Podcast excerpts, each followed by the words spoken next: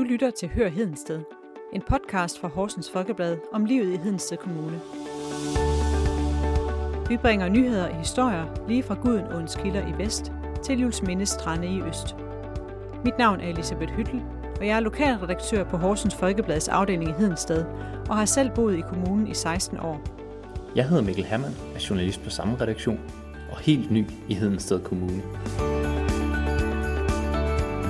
Ugens podcast handler om planerne om en solcellepark ved Glud, som møder lokal modstand. Her hører vi begge parter ad, ligesom du selvfølgelig skal gætte denne ugens lyd. Velkommen til. Og jeg sidder her med øh, direktør for øh, Palsgaard, Anders Brix, og vi skal tale om den her nye solcellepark. Men først kan jeg godt lige tænke mig, at du kan fortælle kort, hvilken type virksomhed er Palsgaard egentlig? Palsgaard er en ingrediensvirksomhed. Vi leverer øh, fødevareingredienser øh, i stort set hele verden, og øh, vores produkter bliver spist af omkring 300 millioner mennesker hver dag. Og så har I jo base herude på Julesmindehalvøen, øh, blandt marker og skove og skønne op- omgivelser. Sådan helt kort, hvad er baggrunden for, at I ligger lige her? Vores stifter, Arne Viggo Skov, han havde købt Palsgaard som et gods, som han havde tænkt sig at drive godsdrift på. I 1919, der starter han øh, vores virksomhed her, og så har vi sådan set øh, ligget her siden. Ja, og samtidig så er I jo en international virksomhed med afdelinger i, i, i mange andre lande også.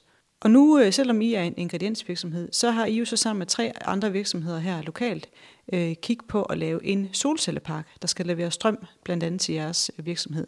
Og hvorfor er det egentlig interessant for jer? Det at øh, tænke på CSR, grøn strøm og øh, med det her med at bygge en solcellepark, det er egentlig ikke noget nyt for os.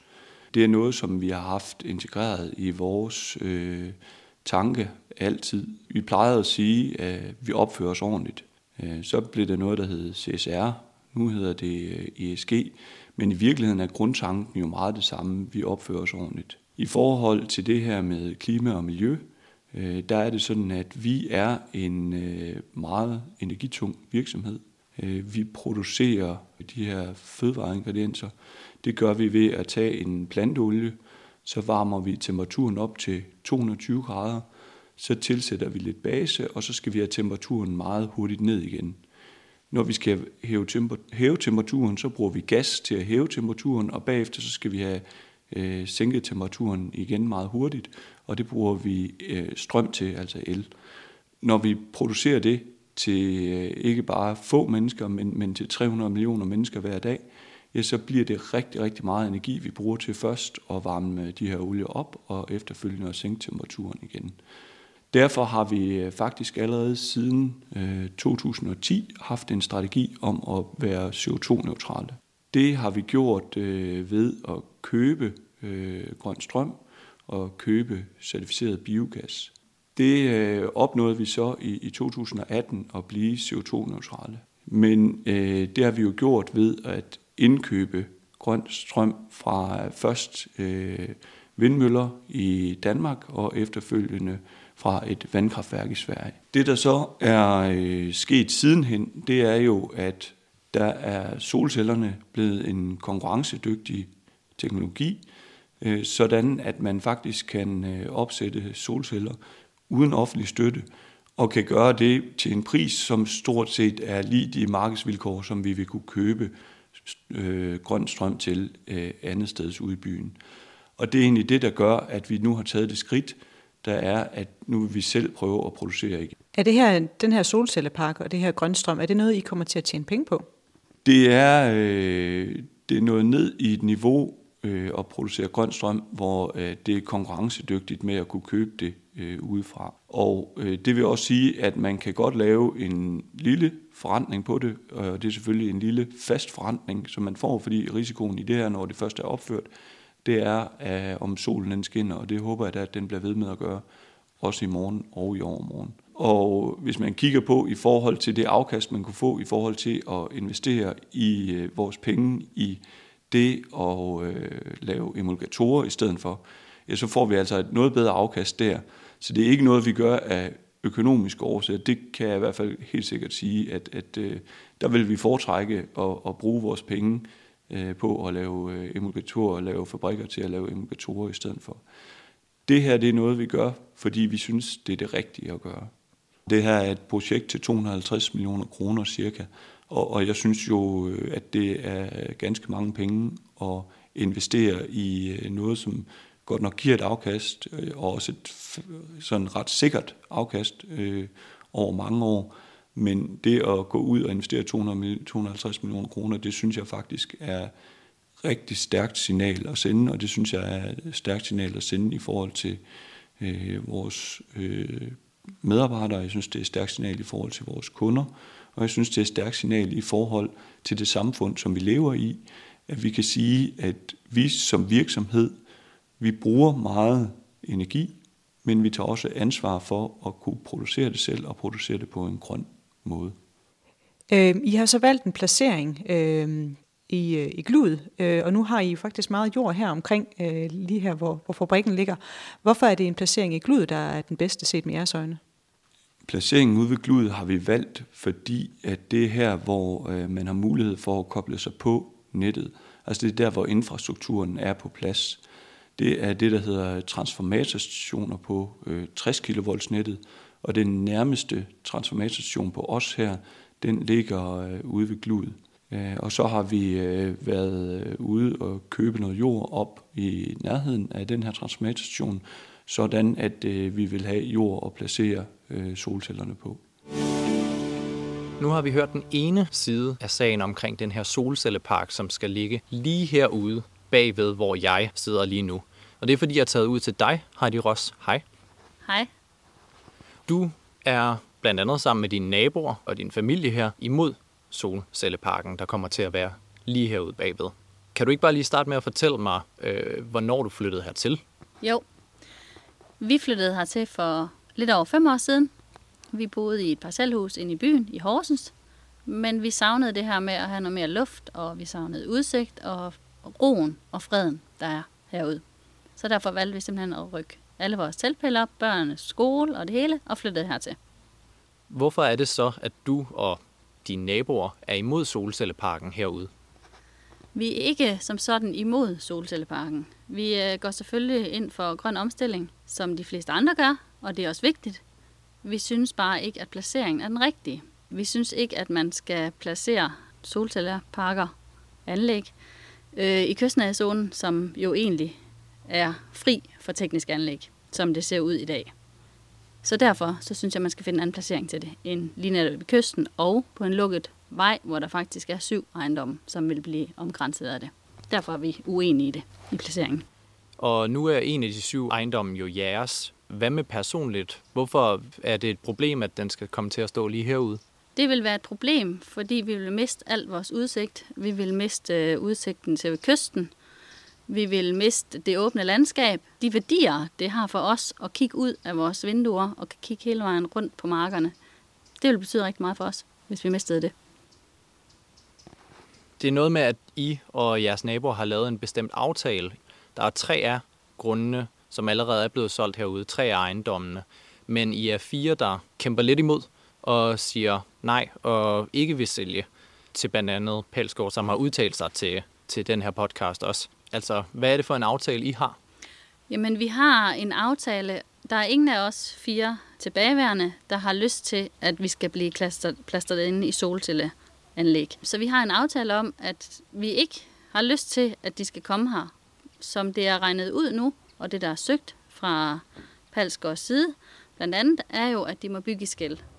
De har ikke øh, overholdt de retningslinjer, kommunen har fremlagt med, at man skal holde sig 200 meter væk fra ejendomme, samt at der ikke har været en god nok begrundelse for kystnærhedszonen. Så vi føler lidt, at vi øh, ikke er blevet anset som mennesker, der faktisk har følt sig i klemme i det, ved at de ikke har snakket med os undervejs. Og derfor har vi simpelthen sagt, at der er ingen af os, der har lyst til, at de skal ligge de her 200 meter, inden for de her 200 meter. Og det, som Palsk også selv sagde til informationsmødet, at det er os, det kommer an på. Og hvis vi siger nej, så må de jo finde en anden løsning. Som udgangspunkt, så siger vi alle fire nej som udgangspunkt? Ja, men man kan selvfølgelig ikke vide, hvis der er nogen, der får en god pris for noget. Det ved vi jo ikke noget om, vi har ikke dialogen med dem. Så det ved man jo ikke. Men som udgangspunkt, så har vi en aftale om, at man i hvert fald ikke gør noget, før man har talt med de andre naboer. Nu nævnte du kort lige informationsmødet, der var omkring det også. Det var her for nogle dage siden. Vi skrev blandt andet om det på Horsens Folkeblad. Hvad fik du ud af det møde? Jeg fik ikke noget ud af det møde overhovedet. Du må da have fået et eller andet at vide omkring, hvad det var, der øh, lå til begrundelse for, at, at solcelleparken kommer til at ligge herude. De må da også have prøvet på at kunne overtale jer til at synes, det er en god idé. Det blev fremstillet meget som en øh, eventyrshistorie med, at man kunne plukke bær rundt på stier. Men øh, vi synes ikke, at det var gennemtænkt, og mange af de spørgsmål, der kom fra forskellige borgere, ikke kun naboerne på Søndermarken, var meget mistroiske og havde mistillid til det her møde her. Det var ikke gennemtænkt. Der blev blandt andet spurgt ind til, hvorhen skulle biler parkere, hvis man skulle gå rundt på en natursti, der var lagt op til. Der var ikke rigtig nogen tanker anden, at man kunne parkere på en 3 timers holdeplads hernede på landevejen. Som et eksempel bare. Hvor vi tænker, det er ikke gennemtænkt. Der var en anden borger, der spurgte, når nu retningslinjen er 200 meter fra ejendommene, har I så regnet på, hvor meget energi I vil kunne skabe, hvis vi skal holde de her 200 meter væk? Det er der heller ikke blevet regnet på. Så på den måde, så føler vi lidt, at projektet er startet helt forkert, med at man ligesom har taget udgangspunkt i, at vi bygger i skæld, uden at man ligesom har talt med os. Okay. Hvor skulle solcelleparken være, hvis det stod til jer? Så skulle den være langs motorveje, hvor der ikke lige er så mange naboer, hvor der i forvejen er meget støj. Det kunne ligge på tage rundt på de store ejendomme, så det ikke øh, generer nogen, eller man ikke bruger god øh, landbrugsjord til det. Man skæmmer ikke naturen. Man indhegner ikke store områder rundt omkring, hvor der også er levende dyr. Så sådan nogle steder synes vi, det ville være bedre. Projektet det har mødt en øh, modstand øh, blandt nogle af beboerne i området. Hvilke hensyn har I taget i øh, projektets udformning til, at det, det ligger, hvor der er naboer? Det er jo sådan, at uanset hvor man vælger at placere en solcellepark, så vil der være naboer, og de naboer vil være utilfredse. Og det er fordi, at det er ikke særlig sjovt at blive nabo til en solcellepark. Det kan jeg sagtens forstå. Det, der er vores opgave så, det er jo at øh, sørge for, at de gener, som måtte blive for naboerne, de måtte blive så små som muligt. Så der øh, har vi jo de tanker, som, som vi umiddelbart har gjort os, øh, det er, at der er et, et levende hegn rundt om, øh, som man ikke vil kunne se ind til de her solceller, når at det er vokset op. Og alternativt, så tilbyder vi jo en, at betale en erstatning til de her mennesker, eller købe deres hus. Og, og det vil vi så gøre i givet fald til en, en pris, som ligger over markedsprisen, så de bliver erstattet for de gener, der måtte være i, at de skal flytte. Det, at man står økonomisk bedre og har fået en kompensation, er jo ikke det samme som, at man er glad for det her, fordi når man bor i et hus, så har man følelser og sjæl og familie bundet op omkring et sted. Og det er klart, at øh, selvom at vi kan tilbyde en økonomisk erstatning, så kan man ikke erstatte de øh, følelser, som de personer, der bor derude, de har. Vi har øh, forsøgt at have en god dialog med de personer, som bor ude i området. Jeg kan forstå, at de ikke synes, at vi lykkes med den opgave, og det er jeg selvfølgelig rigtig ked af, fordi vi vil faktisk gerne opføre os ordentligt. Vi er jo ikke en øh, solcelleudviklingsvirksomhed, som kommer fra København og prøver at, at trumfe noget ned over et lokalområde. Vi er faktisk fra lokalområdet og vil gerne opføre os ordentligt. Og øh, det prøver vi også på, men det har vi åbenbart ikke lykkes med i det her tilfælde. De er i hvert fald, de sidder tilbage med en anden opfattelse, og det er der drøn ked af. Er der noget, I kan gøre i forhold til at moderere projektet? Øh, for eksempel flytte det lidt, eller gøre det lidt mindre, så det kommer længere væk fra de naboer, der føler sig generet? Vi har jo købt det jord, som vi nogle gange har. Hvis vi skulle flytte det, så vil det betyde, at vi skulle ud og snakke med nogle nye, nabo, øh, nogle nye naboer om at købe jord der. Der vil så øh, formodentlig være nogle andre naboboliger, som vi vil, så vil gøre ked af det. Det kan godt være, at man vil kunne flytte det lidt, øh, og så skal man kunne Øh, men, men det kræver, at, at der er nogen, en, en landmand, som vil, er villig til at sælge sin jord, og vi skal jo også blive enige med ham om en pris, som er rimelig. Øh, om det kan lade sig gøre, det må, det må vi jo prøve at se, hvis det er, at det, vi ikke kan blive enige med de her naboer. Så hvad kommer der til at ske øh, med projektet nu? Det vi overvejer nu, det er jo, øh, om, om vi kan blive enige med de her fire naboer. Hvis vi ikke kan det, så bliver det næste skridt, så må vi jo lave en analyse på, kan det betale sig at lave en solcellepark med nogle store hvide huller inde i midten, øh, og, og så kommer vi så til at kunne købe eller producere strømmen dyrere, end vi ellers ville kunne. Det er, det er de to alternativer, som ligger, og så endelig, så er der det tredje alternativ, hvis det her det ikke kan lade sig gøre, jamen så bliver det ved med at være landbrugsjord derude, og så er vi jo i forvejen en landbrugsvirksomhed, og så kommer vi til at dyrke jorden derude.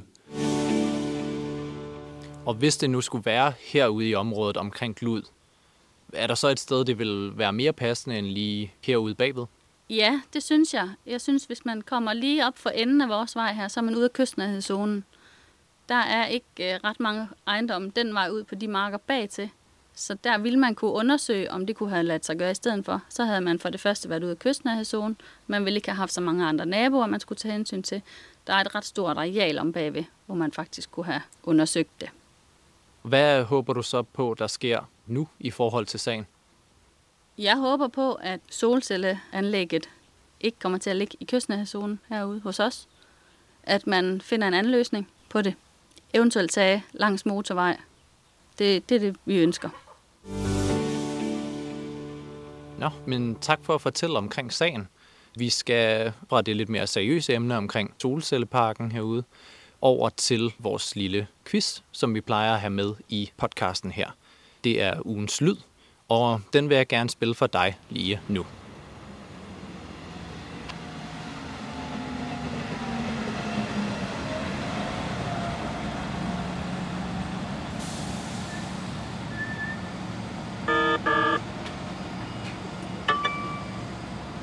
Godt, Heidi. Nu har du så hørt ugens lyd. Nu vil jeg så godt høre dig omkring, hvor tror du podcasten skal hen næste gang? Hvilken by i Hedensted Kommune? Jeg tror, den skal til Glud. Til Glud? Ja, Hvorfor? fordi vi ligger tæt på Glud. Okay. Hvad tror du lyden er? Jeg tror, det er en bus. Du er ikke helt ved siden af. Første led tror jeg nemlig at få kodet ind, hvad det egentlig er. Og det kan også være, at det øh, er afstående nok i sig selv. Men det er ikke en bus, men et tog. Okay. Så skal vi til, til Hedensted. Altså, man skal med toget. Så skal man til Hedensted. Du har også ret. Fedt. Tillykke. Du fik klaret den allerede efter første ledtråd. tak. Tak fordi du vil fortælle din historie. Selvfølgelig. Selv tak. Som I kan høre, er der stor debat om solcelleparken ved Glud, og sagen er ikke helt afsluttet endnu. Samtidig er der planer om flere solcelleparker, blandt andet ved motorvejen nord for Løsning. Folkebladet følger med i udviklingen, og du kan læse mere om de forskellige projekter på hsfo.dk. Du har lyttet til Hør Hedensted, en podcast fra Horsens Folkeblad med nyheder og gode historier fra Hedensted Kommune. Har du en historie, som du gerne vil høre mere om, så send os en mail. Du kan finde os på hedensted hsfo.dk.